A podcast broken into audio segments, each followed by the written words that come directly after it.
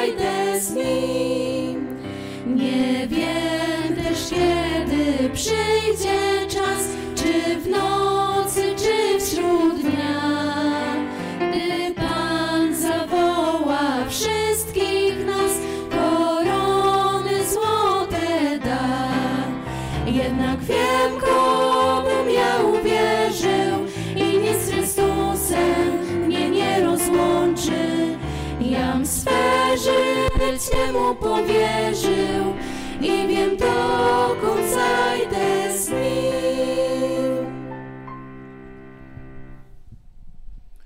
Chciałbym z tego miejsca serdecznie wszystkich przywitać w imieniu Pana Jezusa Chrystusa.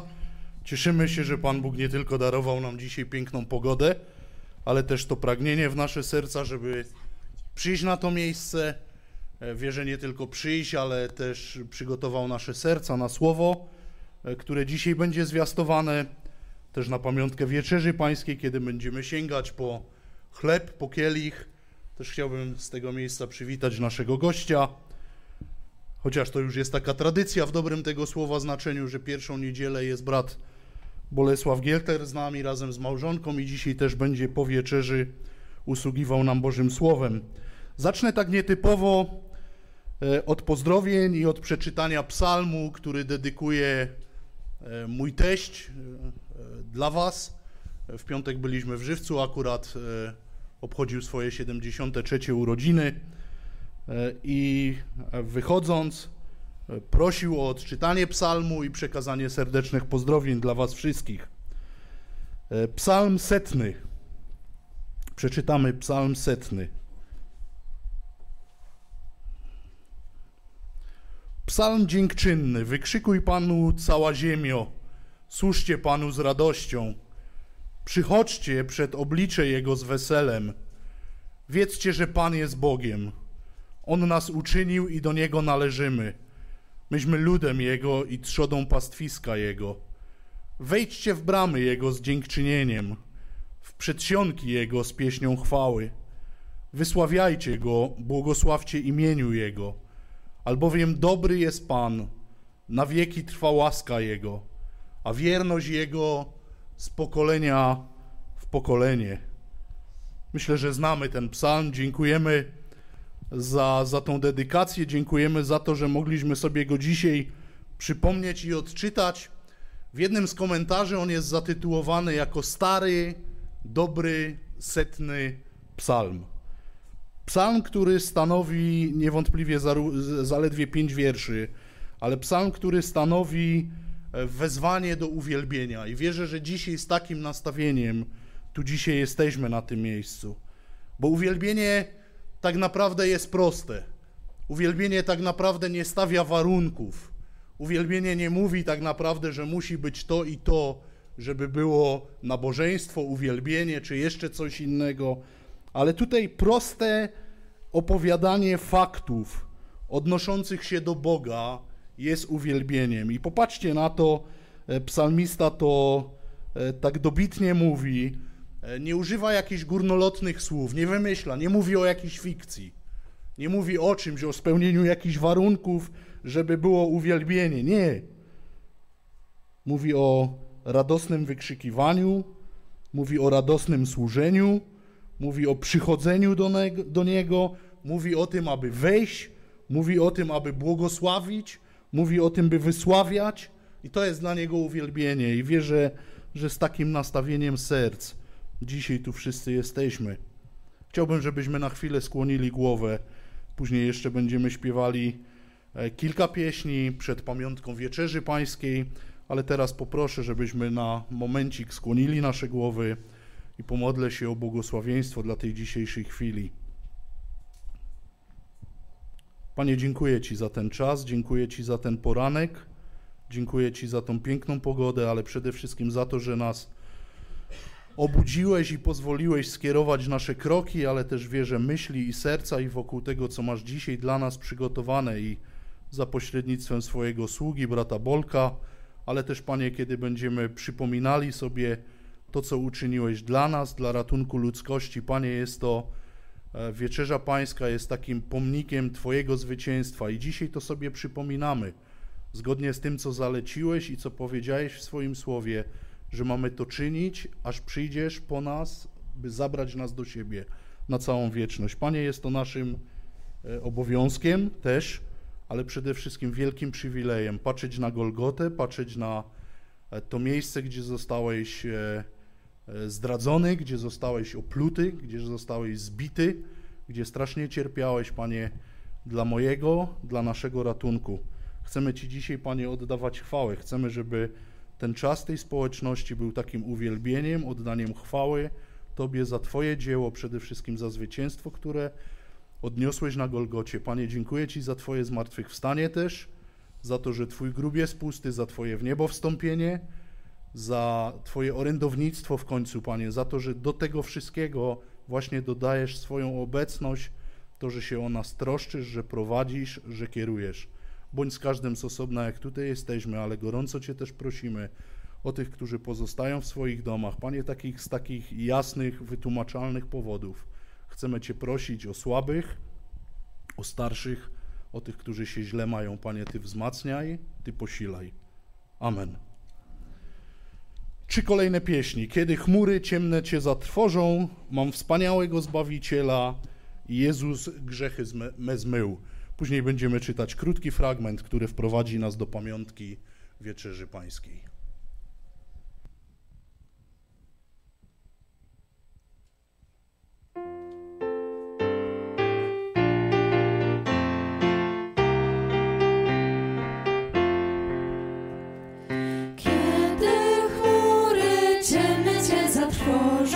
Powiedz do Zbawcy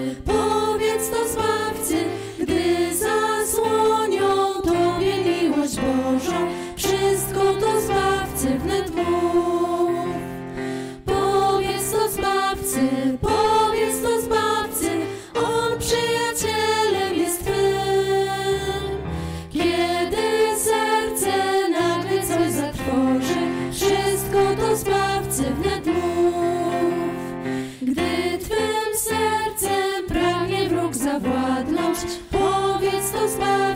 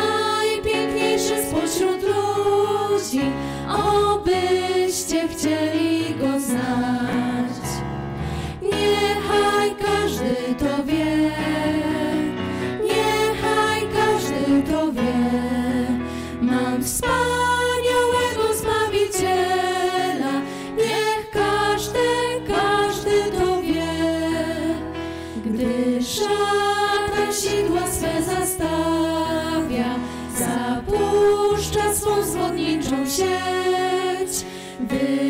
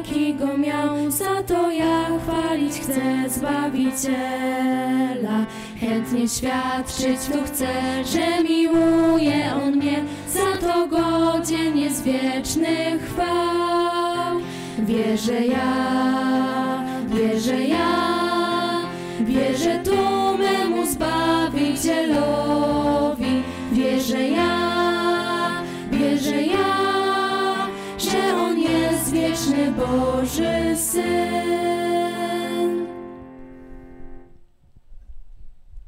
Czytamy fragment Słowa Bożego z Ewangelii Łukasza z 24 rozdziału od 18 do 24 wiersza. Ewangelia Łukasza, 24 rozdział od 18 do 24 wiersza.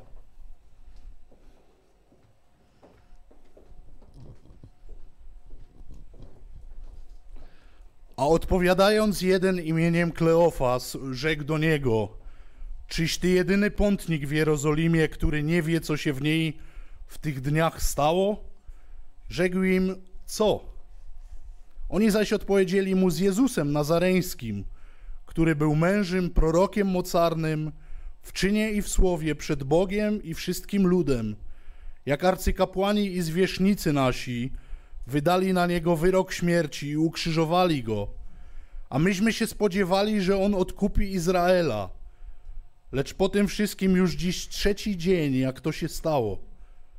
Lecz i niektóre nasze niewiasty, które były wczesnym rankiem u grobu, wprawiły nas w zdumienie, bo nie znalazły jego ciała. Przyszły mówiąc, że miały widzenie aniołów, powiadających, że on żyje. To też niektórzy z tych, którzy byli z nami, poszli do grobu i zastali to tak, jak mówiły niewiasty, lecz jego nie widzieli. Często czytany fragment, droga uczniów do Emaus. Łukasz zapisuje słowo właśnie e, opisujące, obrazujące podróż, e, kiedy dwaj z nich, dwaj spośród jego uczniów e, szli do Emaus i czytamy tam jeden zwrot, że e, przybliżył się do nich, przybliżywszy się Jezus, przybliżył się do nich nieznajomy, przybliżył się do nich pewien człowiek i idą w trójkę. I coś, na co chcę króciutko dzisiaj zwrócić uwagę, to pytanie, które tam pada. E, Widzicie je w e, już 18 wierszu. Czy ty jesteś jedyny pątnik w Jerozolimie, który nie wie, co się w tych dniach w niej stało? Czy ty jesteś jedyny pątnik w Jerozolimie? Spróbujcie sobie wyobrazić te słowa. Spróbujcie wczuć się w sytuację. Dwaj z nich, jak czytamy w tekście, idą do Emaus, przybliża się sam Jezus, oni go nie poznają. Oni nie wiedzą, z kim rozmawiają i zadają mu to pytanie. Dzisiaj byśmy, dzisiaj byśmy mogli powiedzieć trochę ironiczne pytanie. Czy ty jesteś jedyny pątnik? Jest zupełnie odwrotnie. Jezus wie najlepiej. Jezus wie jedynie wszystko. Tylko On jest w stanie wszystko ogarnąć i, i, i, i, i, i prowadzi to swoim słowem. On wie wszystko, on wie wszystko, co tam się wydarzyło. On wie wszystko, co jest, e, e, co się dzieje w Twoim i moim życiu. On wie wszystko, co się wydarzy jutro. My tego nie wiemy. My tak naprawdę nie wiemy, co za 10 minut będzie, co będzie za minutę, co będzie za chwilę. Pan Jezus to wszystko wie.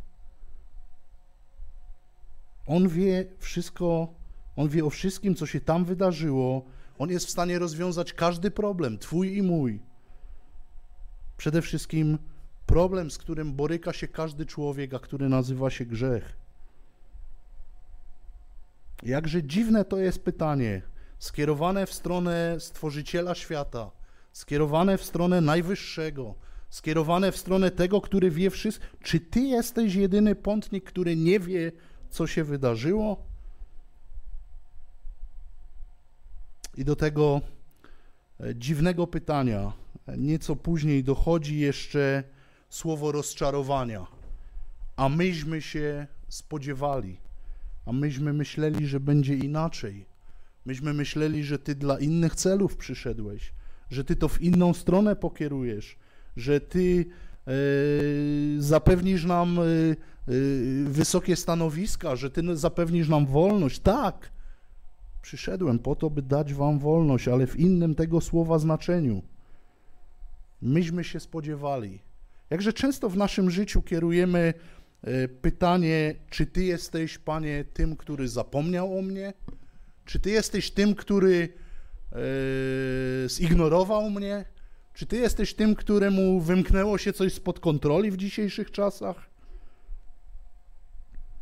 Jakże często do tego pytania dodajemy te słowa rozczarowania, że inaczej to widzieliśmy, inaczej chcielibyśmy to widzieć, że inaczej chcielibyśmy doświadczać, przechodzić przez życie, przez każdy kolejny dzień, jakby Pan Jezus nie spełniał naszych oczekiwań. do momentu, aż wydarza się coś, co przerasta nasz sposób myślenia, nasze oczekiwania, jest o wiele lepsze niż chcielibyśmy, niż e, przewidywaliśmy, niż e, wszystkie nasze plany przewidywały. Ten, który został skazany na śmierć, ten, który został ubiczowany, ten, który został maksymalnie wymęczony drogą na Golgotę, ten, który został przybity do krzyża, ten, którego Bóg został przebity, ten, którego złożono do grobu, przychodzi jak do tych dwóch, e, którzy szli do Emaus, przychodzi jako słowo pokoju, przychodzi jako słowo zwycięstwa, przychodzi jako zmartwychwstały Jezus Chrystus. Przychodzi jako król królów i pan panów. Coś tam niewiasty mówiły, uczniowie to, trzymając się tej terminologii, tych dwóch, którzy szli do Emaus, mówili to, że coś tam niewiasty mówiły, że grób jest pusty. Ale nie dowierzali. Dalej gdzieś pojawiało się to zwątpienie, dalej być może nasuwały się jakieś śmiesznie prostackie pytania, czy ty jesteś jedyny, który nie wie, a myśmy się spodziewali, ale on jest tym, który zwyciężył i dzisiaj e, podchodząc, e, przyjmując e, czy sięgając po chleb, po kielich, jesteśmy tu po to, by powiedzieć tak, Panie, zwyciężyłeś. Tak, Panie, my jesteśmy uczestnikami tego zwycięstwa dzięki Twojej przelanej krwi, dzięki Twojej śmierci, dzięki złożonej ofierze. Panie, dzięki temu, że Ojciec nawet święty Twój musiał odwrócić swoje oblicze od Ciebie w tym decydującym momencie na Golgocie. Musiał to, musiał to zrobić z powodu Twoich i moich grzechów. Dzisiaj chcemy Mu wyrazić wdzięczność, dzisiaj chcemy Go uwielbić, dzisiaj chcemy oddać Mu chwałę. To jest jedyne, co, co możemy, co jesteśmy w stanie. Panie, dziękujemy Ci za, za Twoje dzieło. Dziękujemy Ci za Twoje zwycięstwo, które tam odniosłeś. Panie, dziękujemy Ci za zwycięstwo nad grzechem i śmiercią. Dziękujemy Ci za to, że nam obiecałeś życie wieczne i możemy z wiarą to przyjmować, że jest to pewne i kiedyś wrócisz po nas, by zabrać nas do siebie. Panie, możemy też powiedzieć: Przepraszamy Cię, że czasami zadajemy tak dziwne pytania i trudne pytania i, i, i pytania na poziomie małych dzieci. E, czy zapomniałeś o nas? Czy sami musimy wszystko robić? Nie, Panie, doświadczamy tego, że Ty jesteś obok. I dzisiaj z wdzięcznością chcemy to wyrażać. Skłońmy nasze głowy. Pan Jezus e, już przed samą wieczerzą, e, kiedy wziął chleb, kiedy wziął kielich, to wcześniej jeszcze podziękował i, i chciałbym podziękować teraz za tą pamiątkę, za ten czas, za to, że możemy sobie to przypominać, że możemy to w taki szczególny sposób przeżywać. Panie, chcemy Ci dziękować za ten dzisiejszy poranek, za to, że teraz będziemy mogli sięgać po chleb i po kielich, po chleb, który jest symbolem Twojego złamanego ciała, złożonego w ofierze dla naszego ratunku i odkupienia tam na Golgocie. Panie, po kielich, e, po wino, które jest symbolem Twojej przelanej krwi dla naszego ratunku i dla naszego odkupienia. Panie, dziękuję Ci za to, że Twoja krew oczyściła moje grzechy. Panie, dziękuję Ci, wierzę, że tak jak tutaj dzisiaj jesteśmy, w większości tego doświadczyliśmy, ale Panie, dziękuję Ci jeszcze za to, że przedłużasz czas łaski. Ty nie zwlekasz ze swoim powrotem, chociaż e, słyszymy nadchodzące kroki, Panie, słyszymy i widzimy po tym wszystkim, co się dzieje na świecie, że to jest bliskie, to Ty jednak nie odwlekasz, Panie, ale okazujesz jeszcze łaskę tym, którzy mają przyjść do poznania prawdy. Panie, dziękuję Ci za to, że Twoja krew ma moc dzisiaj oczyszczać od wszelkiego grzechu, że można przyjść do Ciebie w uniżeniu i w pokorze, wyznać Ci i prosić o przebaczenie. Dziękujemy Ci gorąco za Twoje dzieło, chcemy Cię chwalić, wywyższać i uwielbiać. Amen.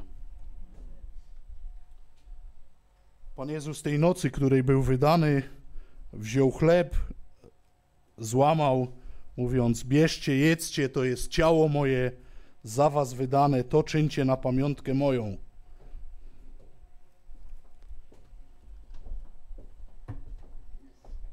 Podobnie i po wieczerzy wziął kielich z winem, który jest symbolem przelanej krwi, dał uczniom, zachęcając ich do tego, by pili, by wspominali Jego przelaną krew, Jego dzieło na Golgocie.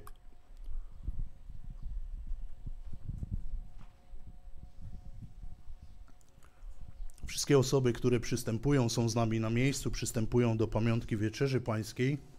Poproszę, żeby teraz powstały, a braci proszę o podejście z chlebem i z winem.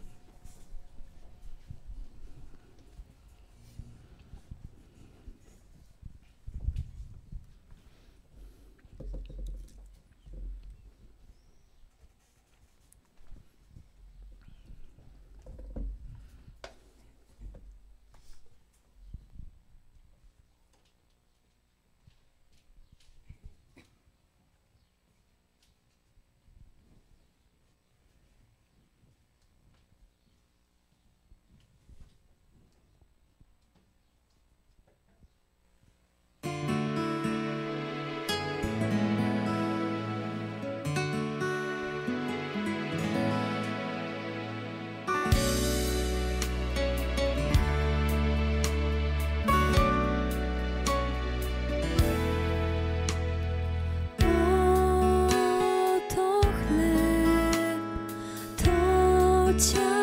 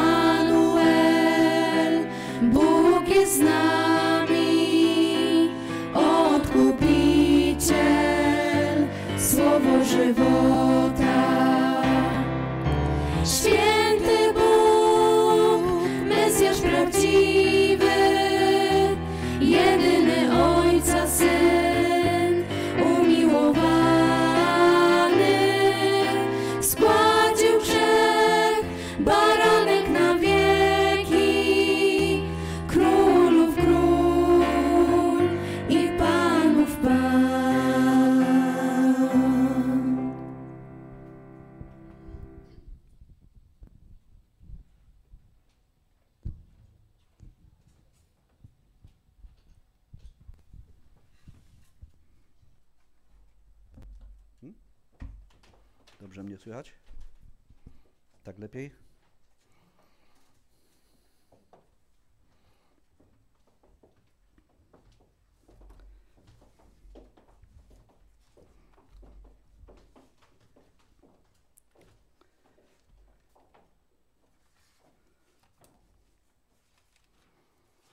Czas leci nieubłaganie.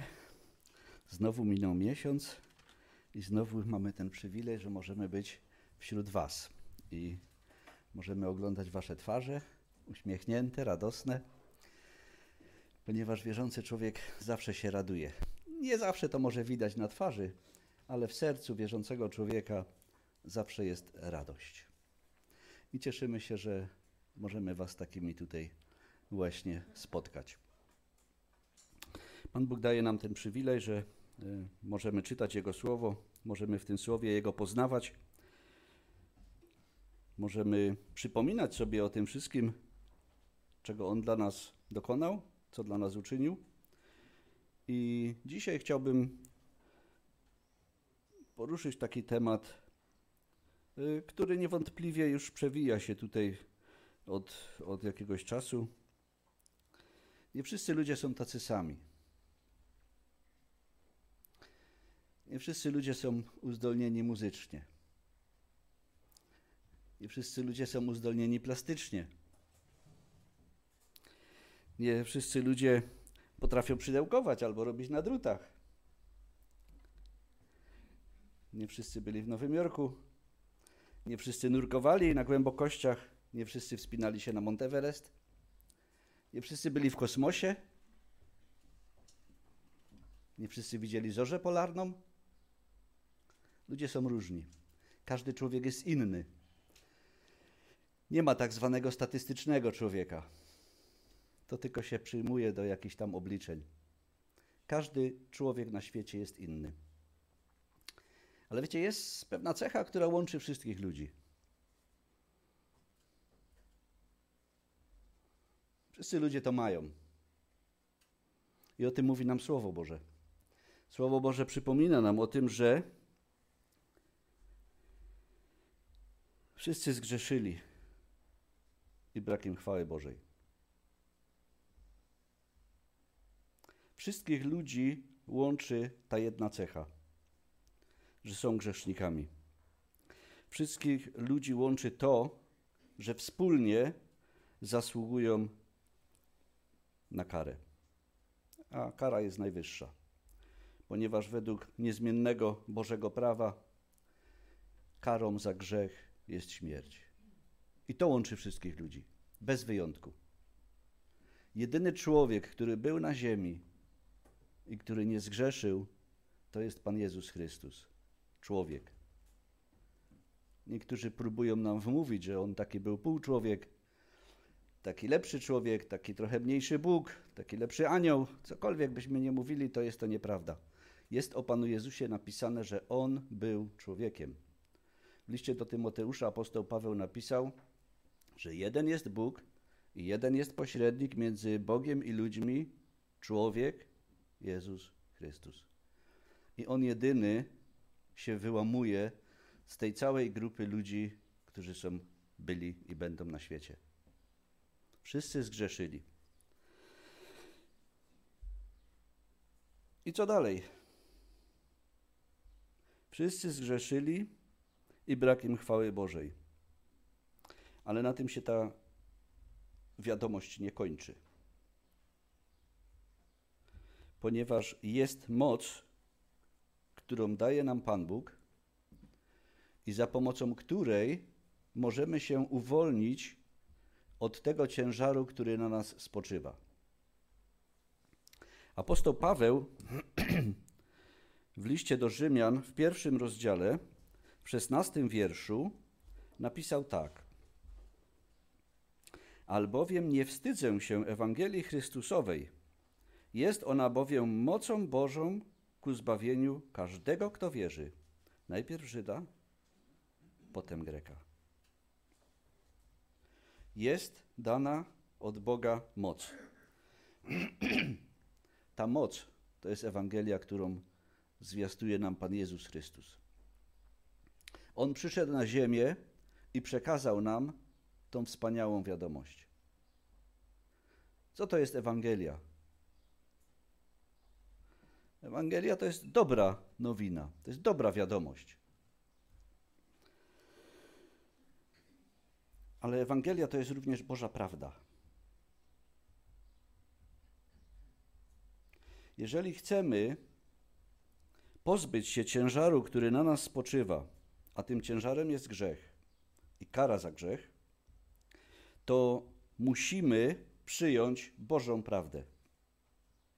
W tym świecie Boża prawda nie jest bardzo popularna. Apostoł Paweł w liście do Rzymian w pierwszym rozdziale w 25 wierszu napisał, że ludzie zamienili prawdę Bożą na kłamstwo. U nas jest to przetłumaczone Boga prawdziwego na fałszywego, ale powinno być prawdę Bożą na kłamstwo.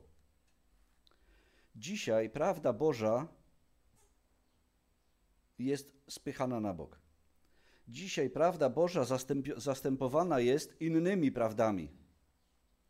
Myśmy się, my sobie tutaj kiedyś mówili na temat prawdy absolutnej. To jest tylko ta prawda, którą Pan Bóg nam przekazuje. Wszystko, co ludzie wymyślają, to jest fałsz. To jest kłamstwo. A zaczęło się to od ogrodu Eden, kiedy przyszedł Boży przeciwnik, aby zniszczyć Boże wspaniałe dzieło. I on przedstawił ludziom alternatywę. Przedstawił ludziom inną drogę. I ludzie dali się na to nabrać. Ponieważ ludzie, nie wiem dlaczego, łatwiej wierzą kłamstwu niż prawdzie. Boży przeciwnik. Kim jest Boży przeciwnik? Niektórzy uważają, że to są takie dwie siły, które ze sobą walczą: ten Bóg i ten e, jego przeciwnik, diabeł. Ale to nie jest tak do końca,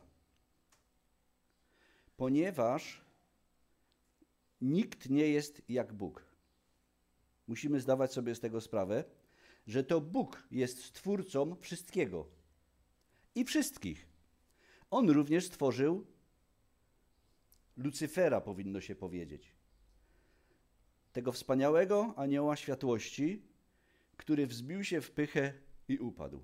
I stał się Bożym przeciwnikiem. Ale wiecie, różnica między nim jest taka, nim a Bogiem jest taka, jak między stwórcą a stworzeniem. On nie może zrobić niczego, na co Pan Bóg mu nie pozwoli. Nie może zrobić niczego, czego Pan Bóg nie zaakceptuje. O tym czytamy w księdze Joba. A więc ludzie zamienili Bożą prawdę na kłamstwo i, i dają się zwodzić. Diabeł za wszelką cenę chce wyeliminować Boga z życia ludzi. Za wszelką cenę chce im wmówić, że nie ma takiego kogoś jak Bóg. A jak już koniecznie chcesz wierzyć, to niech to będzie jakaś siła stwórcza, jakaś, jakiś potężny duch, Ktoś, kto gdzieś tam y, jest w kosmosie, ale nie Bóg. A Słowo Boże zaczyna się od tego, że to Bóg stwarza. Kiedy czytamy pierwsze rozdziały Biblii, to nie czytamy tam oto dowód na istnienie Boga i jakieś tam wywody. Nie. Na pierwszych, w pierwszych linijkach Słowa Bożego czytamy, że Bóg stworzył na początku. On już był. On jest Stwórcą i Panem. Ale ludzie odrzucają Go. I ludzie nie wierzą w Boga.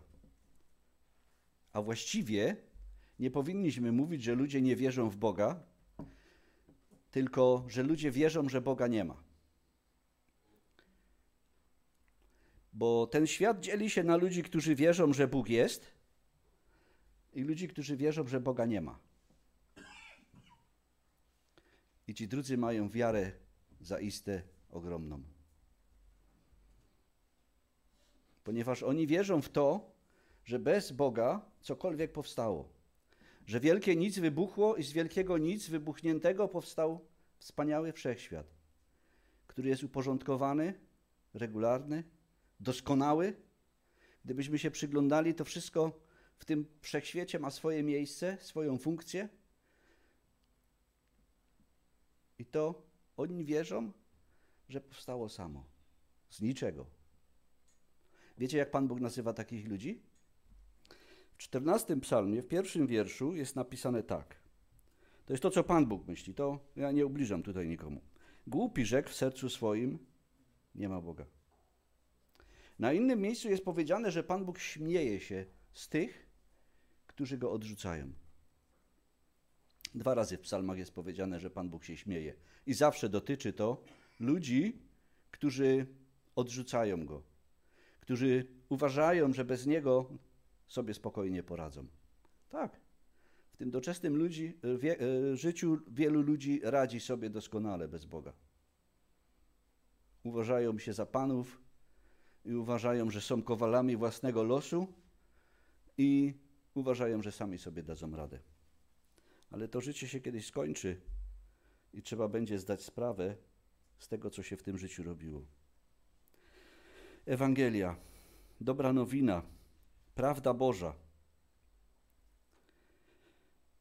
która jest mocą Bożą ku zbawieniu.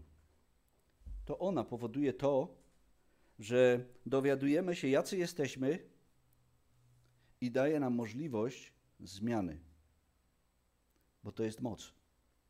Nikt tego nie potrafi zrobić sam. Nikt nie potrafi zbawić się sam. Psalmista napisał w psalmie: Co da człowiek za duszę swoją? Okup za duszę jest za drogi i nie wystarczy nigdy, aby mógł żyć wiecznie. Ale Pan Bóg wprowadził nową walutę. Piotr pisze o tej walucie: to jest drogocenna krew baranka, która jest droższa niż srebro, złoto i wszystko cokolwiek innego ludzie uważają za cenne.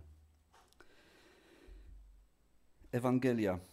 Ewangelia to jest wiadomość, ale to jest wiadomość, która działa na zasadzie: masz dwie wiadomości. Znacie to, tak? Masz dwie wiadomości, dobrą i złą. Tylko, że Ewangelia jest połączona. Zła wiadomość to jest taka, że wszyscy zgrzeszyli. A dobra wiadomość to jest taka, że są usprawiedliwieni za darmo. Że mogą uzyskać usprawiedliwienie. Na tym polega Boża dobra nowina.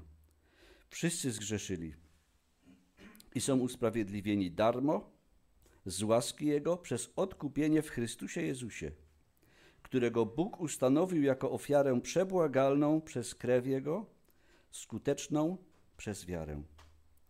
W tych tekstach, które czytaliśmy, przewija się słowo wiara. I to jest podstawa. Wiara to jest to, za pomocą czego możemy od Boga coś uzyskać. Ktoś to kiedyś powiedział, że wiara to są takie ręce, którymi sięgamy do Boga po Jego dary, którymi On nas obdarza. Kiedy czytaliśmy, że ta Ewangelia jest mocą Bożą ku zbawieniu każdego, kto wierzy, konieczna jest wiara. I tutaj również czytaliśmy, że ta ofiara Pana Jezusa Chrystusa jest skuteczna przez wiarę. To, co Pan Bóg nam daje, możemy uzyskać przez wiarę. Ważne jest to, w jaki sposób Pan Bóg nas postrzega, a nie w jaki sposób my się widzimy. Gdybyśmy wyszli dzisiaj na ulicę i pytali ludzi, czy są dobrzy, to znakomita większość ludzi odpowie, że są dobrzy. Że tak właściwie to nie kradną dużo, y, starają się nie kłamać, no, nikogo nie zabili oczywiście. Y, tak właściwie są dobrzy. Ale Pan Jezus pokazał nam w Ewangelii Mateusza, w tak zwanym kazaniu na górze, od piątego rozdziału to się zaczyna i warte jest przeczytania, jakie są Boże standardy. Jak Bóg nas postrzega. I tam Pan Jezus pokazuje tak. Nie musisz zamordować sąsiada siekierą. Możesz go zabić słowem. Nie musisz cudzołożyć z kobietą fizycznie. Wystarczy, że na nią patrzysz i pożądasz. Nie musisz wiele rzeczy zrobić fizycznie, wystarczy, że to się zalęgnie w Twojej myśli. Takie są Boże standardy. I tego nikt nie potrafi dotrzymać. Nikt nie potrafi wypełnić wszystkiego tego, czego Pan Bóg od nas oczekuje. Jedynym, który tego dokonał, jest Pan Jezus Chrystus. I On nas zbawił. Ewangelia pokazuje nam to, w jaki sposób widzi nas Pan Bóg. Pan Bóg widzi nas jako grzeszników. I teraz znowu świat dzieli się na grzeszników, którzy są usprawiedliwieni i którzy są nieusprawiedliwieni. Ci, którzy są usprawiedliwieni, to są ci, którzy uwierzyli w to, co uczynił Pan Jezus Chrystus. Którzy przyjęli to, co uczynił Pan Jezus Chrystus. Do których doszło to, że oni powinni umrzeć za swoje grzechy, ale za ich grzechy umarł Pan Jezus. I teraz oni są uwolnieni od tej kary. I teraz oni nie muszą już za to, za te swoje grzechy ponosić kary. Następna jakby część Ewangelii znowu składa się z dwóch, z dwóch wiadomości. Z dobrej i złej. Albowiem zapłatą za grzech jest śmierć. List do Rzymian, 6 rozdział, 23 wiersz. To jest ta zła wiadomość, która mówi o tym, że jeżeli nie skorzystasz z Bożej oferty, to poniesiesz śmierć. Możesz tutaj na, na ziemi żyć i 110 lat, ale w wieczności poniesiesz śmierć. Nie będziesz miał życia wiecznego, ponieważ życie wieczne zagwarantowane jest dla tych, którzy uwierzyli w Pana Jezusa Chrystusa. O tym mówi nam Ewangelia Jana, trzeci rozdział, szesnasty wiersz. Tak Bóg umiłował świat, że dał Syna swojego, jedynego, aby każdy, kto w Niego wierzy, nie zginął, ale miał żywot wieczny. I to jest ta dobra wiadomość.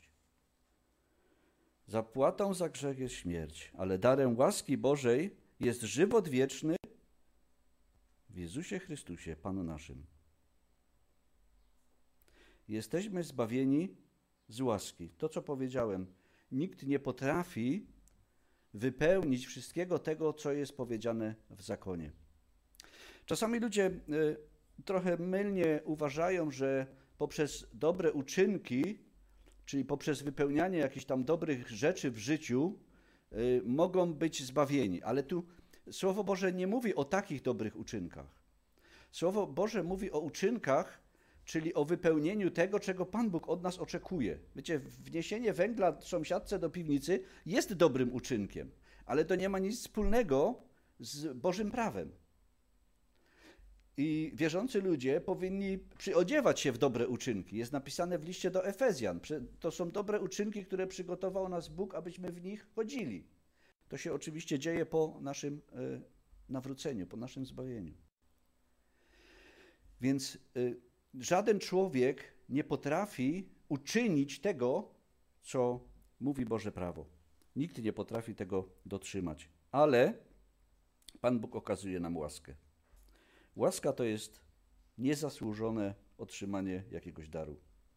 To jest to, na co nie zasługujemy, ale Pan Bóg nam to daje.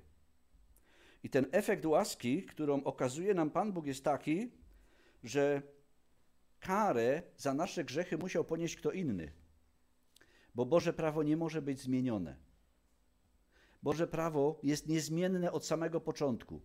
Kiedy Pan Bóg w ogrodzie Eden powiedział: Jeżeli zgrzeszysz, umrzesz, to to się nie zmieniło przez wieki.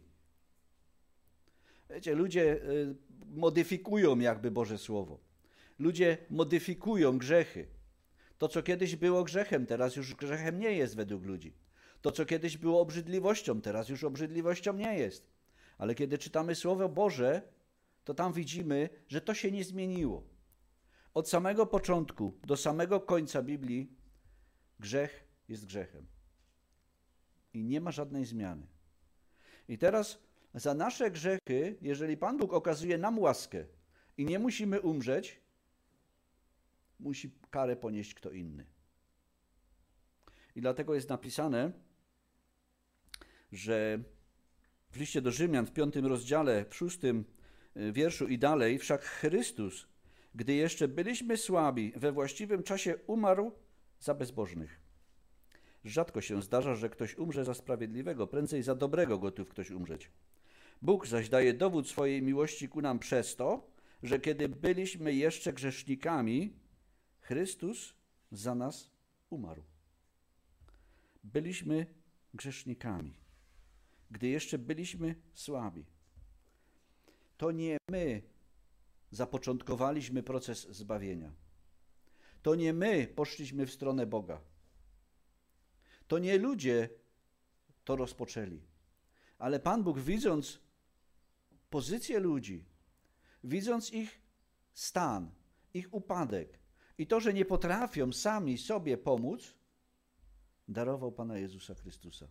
Kiedy byliśmy grzeszni, kiedy byliśmy słabi, Pan Jezus Chrystus tego dokonał, że wziął obciążający nas list dłużny i zaniósł go na krzyż. I teraz Pan Bóg, kiedy to przyjmujemy przez wiarę, Pan Bóg nie zwraca się już do nas o zapłatę za nasze grzechy, ponieważ zostało już zapłacone.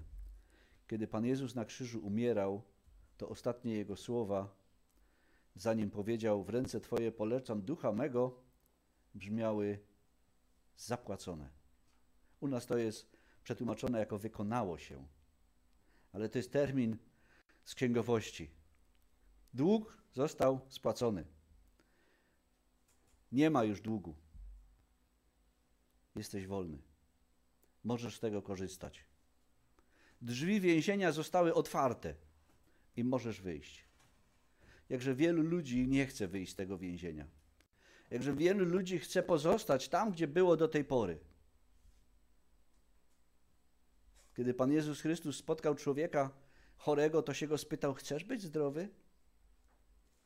Pan Jezus Chrystus nie czyni w życiu człowieka niczego na siłę. Nikogo nie uszczęśliwia na siłę. Co chcesz, abym ci uczynił? Musimy wybrać, co chcemy, aby Pan Bóg nam uczynił. Więzienie jest otwarte i można wyjść. I ci, którzy wychodzą z niego, są na wolności. Uzyskali wspaniałą wolność. W liście do Galacjan apostoł Paweł napisał: Chrystus wyzwolił nas. Oczywiście wolność to nie jest możliwość robienia, co się chce. Bo Galacjanie doszli do takiego wniosku. Czytamy ten list, to możemy tam to zobaczyć. Oni doszli do takiego wniosku, że jak jesteśmy wolni, to już możemy robić, co chcemy. Ale apostoł Paweł napisał, ale pod pozorem wolności nie pobłażajcie swojemu ciału i nie pozwalajcie porządliwościom wchodzić do waszego życia. Bo musimy pamiętać o tym, że ten świat oparty jest na porządliwości. O tym mówi nam Jan w swoim liście. Moc Ewangelii, o której mówiliśmy, ta moc, która może nas zbawić, nierozerwalnie łączy się z tym, co apostoł Paweł napisał w liście do Koryntian w pierwszym rozdziale, w osiemnastym wierszu. Albowiem mowa o krzyżu jest głupstwem dla tych, którzy giną, natomiast dla nas, którzy dostępujemy zbawienia, jest mocą Bożą. Ta moc Ewangelii nierozerwalnie związana jest z krzyżem. Z krzyżem Pana Jezusa Chrystusa. Z osobą właściwie Pana Jezusa Chrystusa, który został ukrzyżowany. Wiecie, to nie jest krzyżyk, który sobie wieszamy na szyi. Wielu ludzi myśli, że jak sobie taki krzyżyk powieszą, to będą y, szczególnie chronieni. Wielu ludzi myśli, że jak będą nosić medaliki czy jakieś tam inne rzeczy y, poświęcone, y, w cudzysłowie, to, to im w czymś pomoże. Nie. Jedyne, co nam może pomóc, to moc, którą daje nam Pan, Jezus przez, y, Pan Bóg przez Pana Jezusa Chrystusa. Mowa o krzyżu. Krzyż Pana Jezusa Chrystusa. I w 24 y, wierszu tego y, pierwszego rozdziału, 23 może przeczytamy tak. My zwiastujemy Chrystusa ukrzyżowanego. Dla Żydów wprawdzie zgorszenia, dla pogan głupstwo. Natomiast dla powołanych i Żydów, i Greków Zwiastujemy Chrystusa, który jest mocą Bożą i mądrością Bożą. To jest ta moc. Pan Jezus Chrystus, który zawisł na krzyżu za każdego z nas. Z tego musimy zdawać sobie sprawę. Apostoł Paweł, kiedy pisał list do Tymoteusza, to napisał, że Pan Jezus Chrystus umarł za grzeszników, z których ja jestem pierwszy. Pan Jezus oczywiście umarł za wszystkich ludzi, ale każdy musi zdać sobie sprawę, że to za niego też. I każdy musi siebie zobaczyć, że to on jest zgubionym grzesznikiem. Że nie ci wokoło, ale on potrzebuje Bożego zbawienia w Panu Jezusie Chrystusie. Potrzebuje tej mocy Bożej i mądrości Bożej. To właśnie przez krzyż Pan Bóg przygotował nam zbawienie. Kiedy czytamy ten list do Koryntian, to tam dowiadujemy się, że ludzie mieli mieszane uczucia, kiedy, kiedy słyszeli o krzyżu.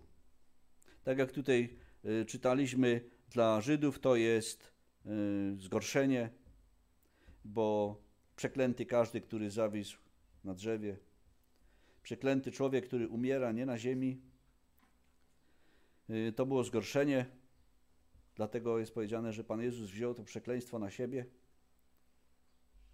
Dla Greków to była głupota zwykła. No jak człowiek, który na krzyżu umarł, może cokolwiek. I to właśnie jest to, o czym słyszeliśmy wcześniej. To pytanie. Czyś ty jest jedyny, który nie wie, co się wydarzyło? Tam nam kobiety opowiadały jakieś opowieści, ale wiecie jak kobiety. Kobiety lubią, że tak powiem, koloryzować. Tak teraz mówię, y, wyobrażam sobie, co oni tam opowiadali. I one tam, wiesz, opowiadały nam, że go tam nie ma w tym grobie, ale to pewnie pomyliły te groby. Bo przecież to jest niemożliwe, żeby go tam nie było. Przecież oni go tam położyli. Myśmy to widzieli.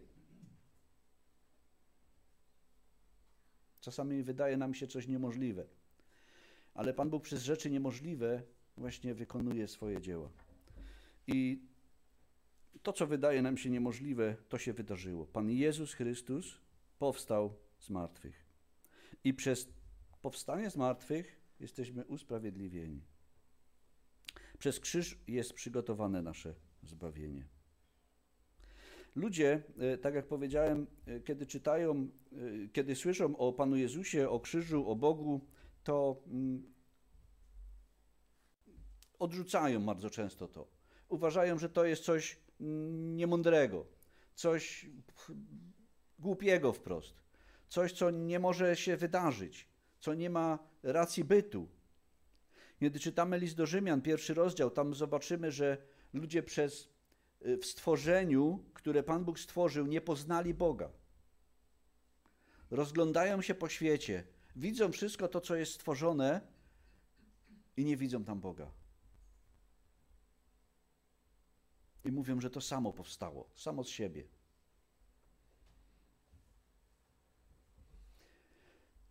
Taka krótka historyjka. Był pewien wierzący człowiek, i jego niewierzący przyjaciel go kiedyś odwiedził.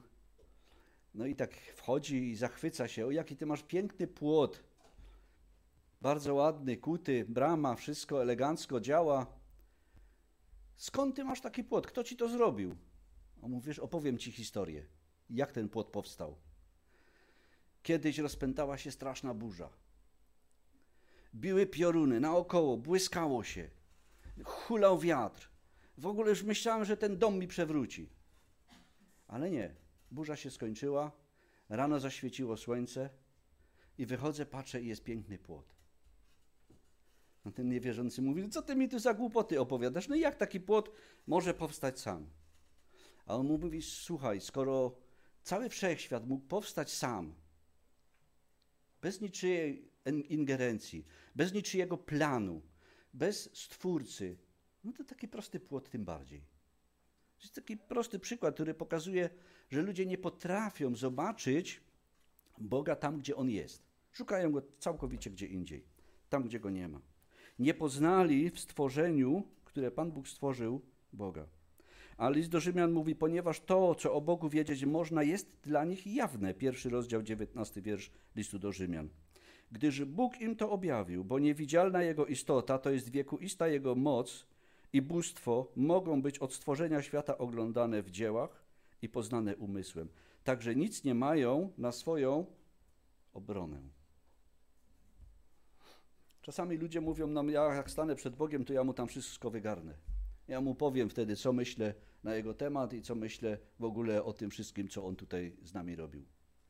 Nie, nic mu nie powiesz, bo będzie taka sytuacja. Pan Jezus kiedyś taką przedstawił taką sytuację o człowieku, który dostał się na, na ucztę weselną w niewłaściwej szacie. Pamiętacie to? I kiedy przyszedł gospodarz i zapytał, ale jak, skąd ty się tu wziąłeś? To jest napisane, że on o nie miał. On nie potrafił przedstawić żadnych sensownych wytłumaczeń. Nie potrafił niczego powiedzieć.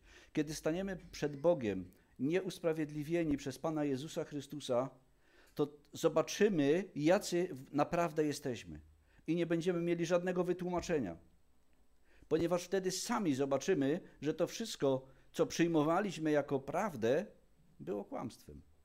I odrzucaliśmy to wszystko, co słyszeliśmy i co poznawaliśmy o Bogu. Ale ludzie nie tylko w stworzeniu Bożym Boga nie zobaczyli, ponieważ e, czasami ludzie mówią, no to przedstaw nam dowody naukowe i my wtedy e, zobaczymy i poznamy Boga. Ale w liście do Koryntian, w pierwszym liście, w pierwszym rozdziale, w dziewiętnastym wierszu i dalej apostoł Paweł pisze tak. Napisano bowiem, w niwecz obrócę mądrość mądrych, a roztropność roztropnych odrzucę. Gdzie jest mądry, gdzie uczony, gdzie badacz wieku tego? Czyż Bóg nie obrócił w głupstwo mądrości świata? Skoro bowiem świat przez mądrość swoją nie poznał Boga w Jego Bożej mądrości, przeto upodobało się Bogu zbawić wierzących przez głupie zwiastowanie. Świat mienił się mądry, ale nie potrafił w tej mądrości zobaczyć Boga. I szuka wszelakich wytłumaczeń. Wiecie, oni to liczą w miliardach lat, w milionach lat, jak to tam wszystko powstawało. W ogóle wymyślają jakieś niesamowite historie. No, tak jak z tym płotem. Odrzucają Stwórcę. W swojej mądrości Boga nie poznają. A diabeł zaciera ręce, bo diabeł chce, aby ludzie nie uwierzyli w Bożą prawdę, aby ludzie nie przyjęli Boga. Czytaliśmy o mocy Bożej. Ta moc, która jest przejawiona w Ewangelii i ta moc, która przejawia się w krzyżu.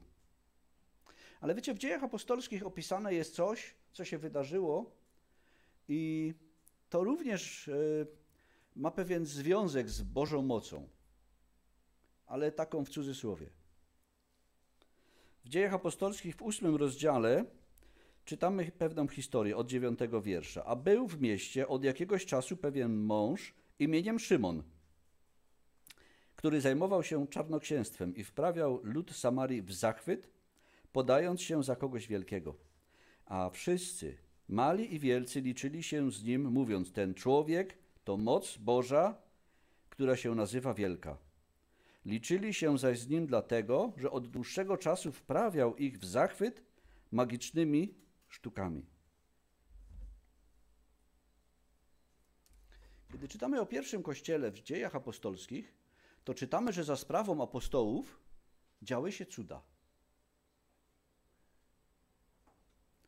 Że wydarzały się różne niezwykłe rzeczy. I w tym fragmencie czytamy, że działy się niezwykłe rzeczy i ludzie byli zachwyceni. A wiecie, jaka jest różnica? No tutaj to jest napisane. Tam działy się cuda. A tutaj on wprawiał lud Samarii w zachwyt magicznymi sztukami. Taka jest różnica. Magiczne sztuczki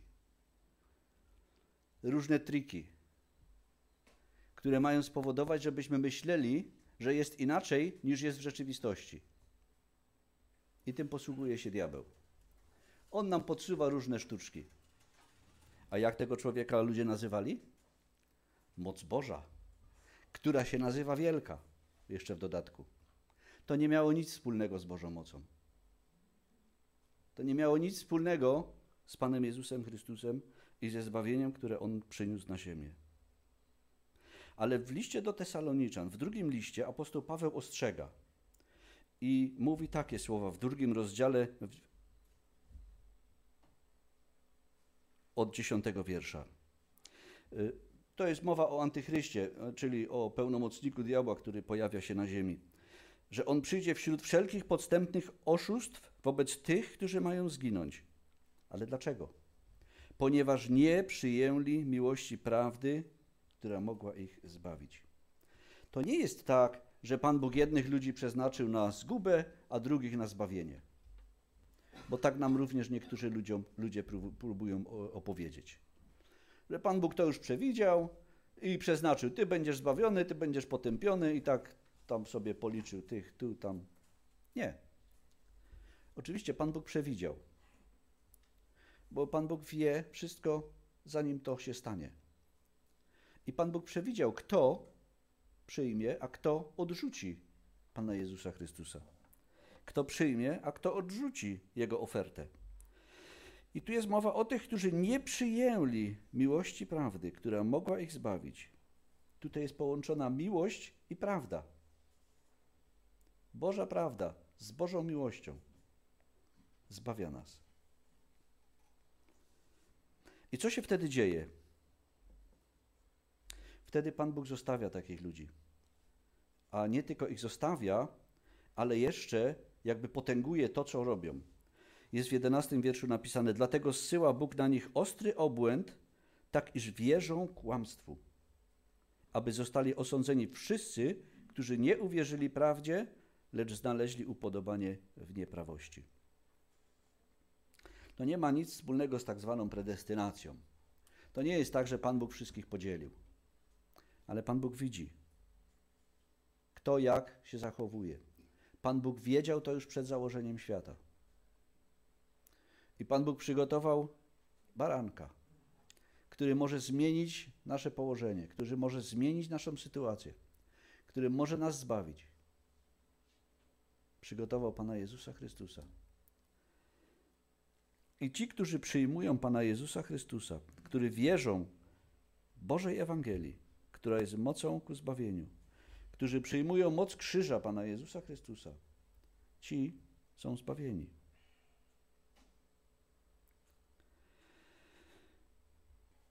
To są e, jakby dwa rodzaje zakończenia życia człowieka w liście do Rzymian w piątym rozdziale, w dziewiątym wierszu czytamy takie słowa. Tym bardziej więc teraz, usprawiedliwieni krwią Jego, będziemy przez Niego zachowani od gniewu. A w liście do Tesaloniczan, w pierwszym liście, w pierwszym rozdziale, w dziesiątym wierszu czytamy i oczekujemy Syna Jego z niebios, który, którego wzbudził z martwych Jezusa, który nas ocalił przed nadchodzącym gniewem Bożym. Tutaj jest mowa o tych, którzy przyjmują Boże, Bożą ofertę, którzy przyjmują Boże zbawienie, którzy przyjmują to, co przyniósł Pan Jezus Chrystus. Jesteście zachowani od gniewu. Jesteście zachowani od tego, co nadejdzie. Jesteście uwolnieni od kary za wasze przewinienia i przestępstwa. Pan Jezus Chrystus to załatwił. I Pan Jezus Chrystus wstawia się za nami. Ale jest również druga strona. W liście do Rzymian w pierwszym rozdziale, w osiemnastym wierszu czytamy tak. Albowiem gniew Boży spada z nieba, objawia się przeciwko wszelkiej bezbożności i nieprawości ludzi, którzy przez nieprawość tłumią prawdę. Kłamstwo na świecie wzięło się od szatana. On jest ojcem kłamstwa. Diabeł jest ojcem kłamstwa, powiedział Pan Jezus, kiedy rozmawiał z Żydami. I wszyscy ludzie, którzy go naśladują, są jakby jego dziećmi. I teraz, kiedy czytamy objawienie Jana, to czytamy, że jest przygotowane jezioro ogniste, które nazwane jest drugą śmiercią. Ale dla kogo jest przygotowane jezioro ogniste? Dla diabła i jego aniołów, tak jest napisane. Ale wszyscy ci, którzy woleli iść tą Jego drogą, którą On im wyznacza, również tam się znajdą. Tak jest napisane. Że wszyscy ci, którzy, których imiona nie zostały zapisane w tej specjalnej księdze, w księdze żywota baranka, tam się znajdą. I decyzja może być podjęta tylko teraz na tym, na tym świecie, tylko teraz w naszym życiu. Nie da się zmienić naszej sytuacji po śmierci. To jest niemożliwe. Pan Jezus przedstawił to w opowieści o bogaczu i łazarzu. To nie jest przypowieść, ponieważ w przypowieściach Żydzi nie używali imion. A tutaj jest użyte imię, imię. To jest historia, którą opowiedział Pan Jezus, pokazując, w jaki sposób, co, co dzieje się z ludźmi, którzy odchodzą z tego świata. Jedni są bliżej Boga, drudzy są oddaleni od Boga. I nie da się zmienić tej sytuacji później. Czytamy w tej historii. Tam jest wielka przepaść i nie da się tego przekroczyć. I dlatego tak ważne jest to, aby podjąć właściwą decyzję dzisiaj. Nie, aby uważać siebie za dobrego, że na tyle dobrego, że jakoś to będzie. Nie, nie będzie, jeżeli nie przyjmiesz Pana Jezusa Chrystusa. Jeżeli nie przyjmiesz Jego ofiary. Jeżeli nie uwierzysz w to, że On za ciebie umarł, to nie będzie. To będziesz potępiony. Nie będziesz zbawiony. Ale jeżeli przyjmiesz to, co On ci daruje, to możesz śmiało oczekiwać na Jego przyjście, ponieważ On przyjdzie, aby zabrać tych, którzy są Jego, tak jak obiecał w, liście, w Ewangelii Jana, gdzie powiedział: Idę przygotować wam miejsce. Jak przygotuję, to przyjdę i zabiorę was, abyście byli, gdzie ja jestem. A apostoł Paweł napisał w liście do Tesaloniczan: Przeto pocieszajcie się nawzajem tymi słowy. To są słowa, które mówią o przyjściu Pana Jezusa Chrystusa, na które oczekujemy. Amen.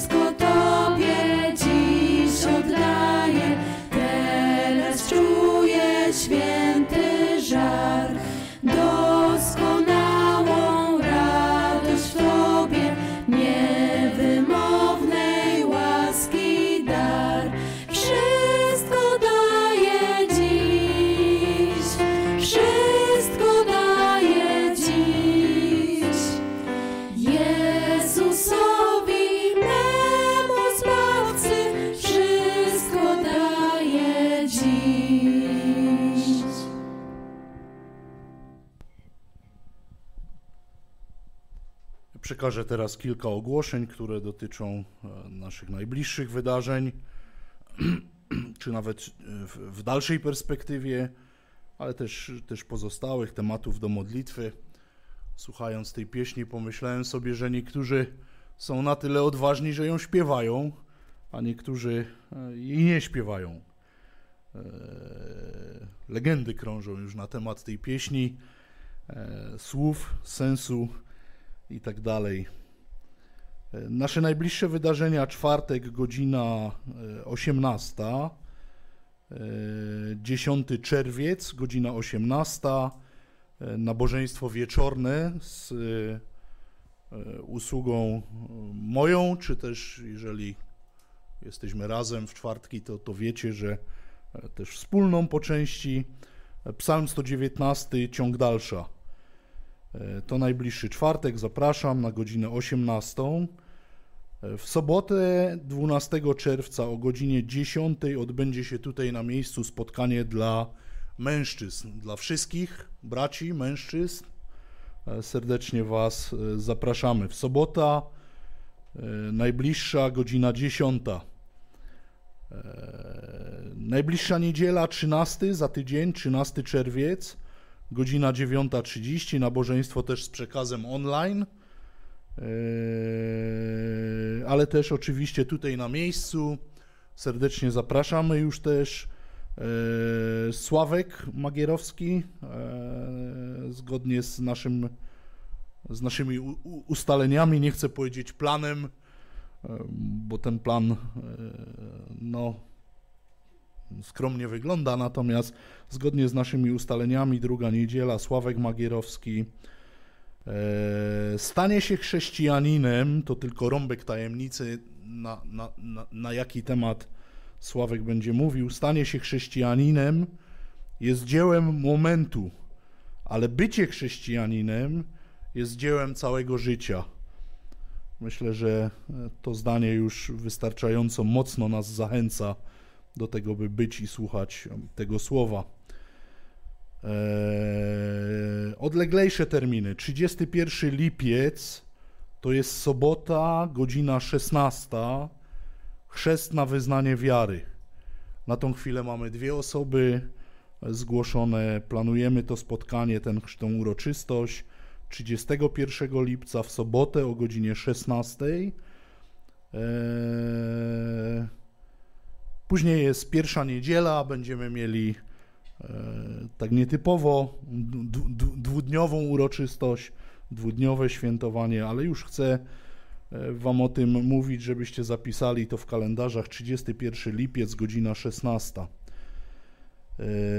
od 7 do 14 sierpnia mamy termin zarezerwowany w ośrodku Tymoteusz w Wiśle Gościejów i chcemy tam pojechać e, nie tak jak w zeszłym roku, z, e, e, czy nie tak jak kilka lat temu, bo w zeszłym roku już byliśmy sami, ale czyli tak jak w zeszłym roku, bez dzieci. Taką decyzję podjęliśmy bez dzieci, w sensie nie będzie to typowy obóz dla dzieci ze względu na warunki, obostrzenia, które też w ośrodkach panują, ale chcemy się tam wybrać rodzinnie, jako społeczność, jako zbór Dlatego podaję ten termin do takiej informacji publicznej. Jeżeli ktoś chciałby pojechać, to proszę bardzo o kontakt od 7 do 14 sierpnia. E, z innych ogłoszeń e, kolektę można złożyć, w, czy ofiarę można złożyć w skrzynce, którą, e, która jest w korytarzu. Chciałem powiedzieć, którą Darek pilnuje, bo tam akurat siedzi, która jest w korytarzu. Można tam złożyć ofiarę. Informowałem ostatnio pierwszy raz, dzisiaj powtórzę jeszcze. Mamy e, potrzebę zakupienia e, komputera do tych naszych transmisji, do tej e, służby, którą tutaj też bracia wykonują. Nie jest to nasz kaprys, nie jest to nasz wymysł, nie chcemy, żeby było fajnie, pięknie i poukładać kolejny sprzęt, nie o to chodzi. Obciążenia komputera i to, co dzieje się z komputerem, który teraz używamy,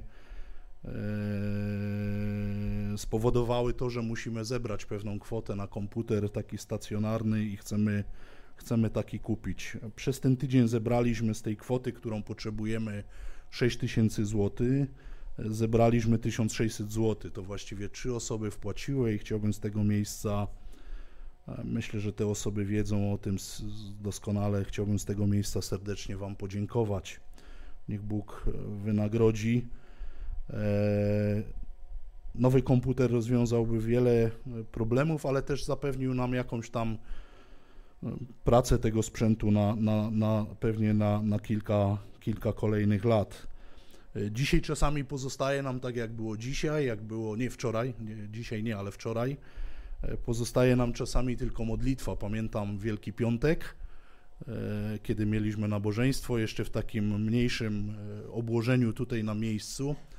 Brat Marek Kaniewski był gościem wtedy, usługiwał nam a myśmy się z braćmi modlili w szatni o to, żeby komputer ruszył, bo on co którąś niedzielę, może nie każdą, ale co któreś nasze nabożeństwo e, po prostu tak e, ciężko się budzi e, do życia, że, że no jest, jest dosyć duży problem i pewnego, pewnego dnia może się nie obudzić.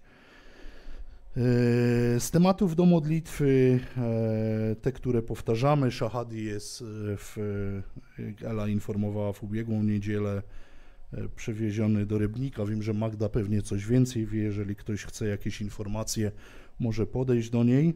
Jest przewieziony do, na oddział rehabilitacyjny. Chcemy o nim pamiętać, chcemy się modlić. Też siostra Teresa Stępkowska, prosi o nasze modlitwy i o wsparcie i o posilenie i takie duchowe, ale i fizyczne, psychiczne w tej całej trudnym doświadczeniu, sytuacji, przez którą przechodzi. Siostra Sonia Hadrian, która pozostaje w domu, boryka się z problemem kręgosłupowym, o tym też już mówiliśmy kilka razy, ale chcemy ją wspierać w modlitwie. Asia wczoraj informowała, że Janka czeka kolejna wizyta w szpitalu jest to związane z, no, z tą jego chorobą i dalszym leczeniem. Lekarze już tą poprzednią, kiedy poprzednio był, to zapowiadali kolejną wizytę, ale chcemy się modlić o Janka o wsparcie, też siłę dla niego, przede wszystkim też mądrość dla lekarzy, wierząc, że wierząc, że ta wizyta będzie tak samo sprawna i krótka jak, jak ta ostatnia. E, chcemy, chcemy o tym pamiętać w naszych modlitwach. Marek e, Janulek potrzebuje też naszych modlitw, wsparcia. Gorąco Was proszę o tym, żebyście też o nim pamiętali, o jego zdrowiu. E, Michał Mirga jest dzisiaj z nami, ale też ten temat się przewija, chcemy pamiętać o zdrowiu Michała, o, o jego kręgosłupie, e, też o, o tacie Ani, jego żony, czyli o teściu Michała. Chcemy ich wspierać też jako rodzinę modlitwą. I ja w czwartek mówiłem na nabożeństwie o takiej pani, która nawiązała kontakt ze mną w ubiegłą środę. Pani się nazywa Ania, jej narzeczony się nazywa Wojtek. Mieszkają w Chorzowie od roku czasu. Będą się przeprowadzać do Dąbrowy Górniczej już niedługo, ale potrzebują naszych modlitw, schorowani dosyć poważnie, trochę zagubieni życiowo. Chcemy o nich pamiętać. Mogę też coś więcej na ten temat powiedzieć. Chciałbym, żebyśmy teraz e, skłonili nasze głowy, ja się pomodlę, a później zakończymy pieśnią Póki mego życia. Panie, chcę Ci dziękować za ten dzisiejszy dzień, za dzisiejszy czas, za pamiątkę wieczerzy Pańskiej, za to, że mogliśmy przypominać sobie to, co uczyniłeś dla naszego ratunku i dla naszego odkupienia. E, Panie, dzięki Ci za to, że Twoja ofiara ma moc, miała moc, ma moc e, po dziś dzień oczyszczać od grzechu. Panie, dziękuję Ci za to, że to Twoje dzieło jest dokończone, że my na przestrzeni lat nie musimy nic zmieniać, usprawniać, dodawać do tego, ale wystarczy z wiarą przyjść, zaufać Tobie. Panie, dzięki Ci za słowo, e, które tak jednoznacznie mówi o tym, że ludzkość łączy jeden problem i to problem, który jeżeli nie zostanie rozwiązany, Panie, poprzez Twoją ofiarę, poprzez Twoją krew, poprzez Twoje dzieło, poprzez Ciebie samego i tylko Ciebie, e, to przyszłość nie rysuje się tak, jak często myślimy i, i, i mówimy, jakbyśmy sobie tego życzyli, Panie. E, mamy świadomość powagi sytuacji, mamy świadomość też powagi czasu, w którym przyszło nam żyć. Dlatego gorąco Cię prosimy, abyś jeszcze jak najwięcej ludzi pociągał do siebie, zmieniał ich serca, Panie, oczyszczał, a też jeżeli to jest zgodne z Twoją wolą, abyś też to za pośrednictwem nas czynił. Panie, gorąco Cię proszę, jeżeli dzisiaj nawet wśród nas jest ktoś tutaj na tym miejscu niepojednany z Tobą, Panie, uczyń wszystko, pociągnij, dotknij się, Panie, aby, aby taka osoba chciała pójść za Tobą, chciała pochylić się, wyznać Ci swoje grzechy. Panie, chcę Cię prosić o tych wszystkich, którzy borykają się z jakimiś problemami zdrowotnymi, których wymieniliśmy, o Szachadiego, jego pobyt w szpitalu rehabilitacyjnym, wzmacniaj go, posilaj go, Panie, aby mógł wrócić do swojej rodziny, która już pewnie e, z wytęsknieniem czeka. Panie, prosimy Cię o siostrę Teresę Stępkowską, e, o, o, o, o siły dla niej fizyczne, Panie, wzmacniaj ją też psychicznie, posilaj, dawaj odczuwać Twoją bliskość. Chcę Cię prosić też o, o, o, duchową jej stronę, Panie, buduj ją, wzmacniaj też poprzez e, i te nasze przekazy, Panie, e, poprzez to słowo, które jest tutaj zwiastowane. Panie, chcemy Cię prosić też o Darię, o siłę dla niej w służbie, pracy, zaangażowaniu, jaką wykonuje też w opiece nad mamą. Panie, wzmacniaj ich, posilaj. Proszę Cię też za ciocią Sonię, za siostrą Sonią Hadrian, Panie, abyś ją e, dotykał się, Panie, aby ten ból e, ustąpił, aby te dolegliwości nie dokuczały, Panie, aby też mogło ziścić się jeszcze to pragnienie, które nosi w swoim sercu, by być tutaj na tym miejscu. Panie, prosimy Cię i powierzamy Ci Janka już dzisiaj w tym wszystkim, co, co przed nim jego w swojej opiece. Prosimy Cię o E, mądrość dla lekarzy, ale też ten czas w szpitalu, Panie, aby on nie był, e, aby się nie, nie, nie przedłużał, ale pokieruj, Panie, i tym w ten sposób, aby to sprawnie się odbyło, e, aby nie było żadnych tam zakłóceń, problemów innych. Panie, prosimy Cię o Marka, Ty znasz jego serce, znasz jego stan, Panie, chcemy Cię prosić o to, abyś go wzmacniał, abyś go posilał, abyś się dotykał, Panie, abyś dodawał mu e, pragnienia i ochoty, Panie, do życia, do służby. Gorąco Cię o to proszę. E, proszę Cię też za bratem Michałem Mirgą, za jego życiem, za jego zdrowiem, Panie, wzmacniaj go, posilaj, a też tatę Ani, Panie, gdziekolwiek jest, czy jeszcze w szpitalu, czy już w domu, bądź z nim, dawaj odczuwać Twoją bliskość. Też, Panie, tych nowo poznanych Anię i Wojtka, w ich całym zagubieniu, Panie, w ich chorobie, w ich problemach psychicznych, fizycznych, Panie, jakikolwiek tam jeszcze się pojawiają, Panie, bądź z nimi i dawaj im odczuwać Twoją bliskość, Panie.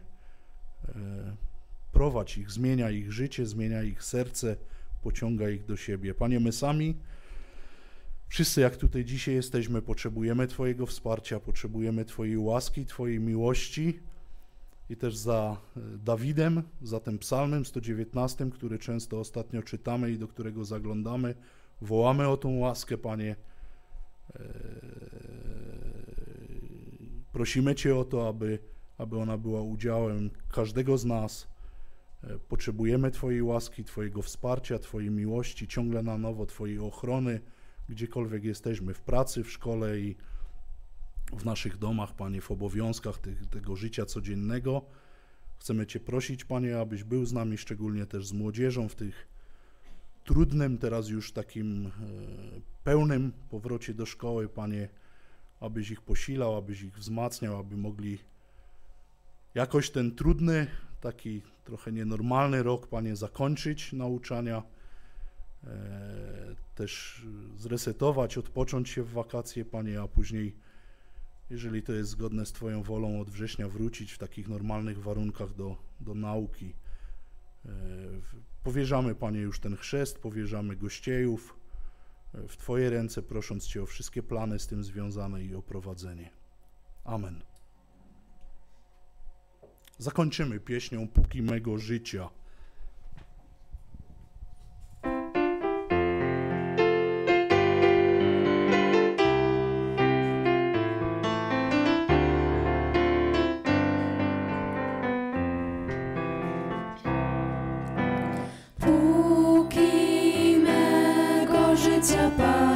Panu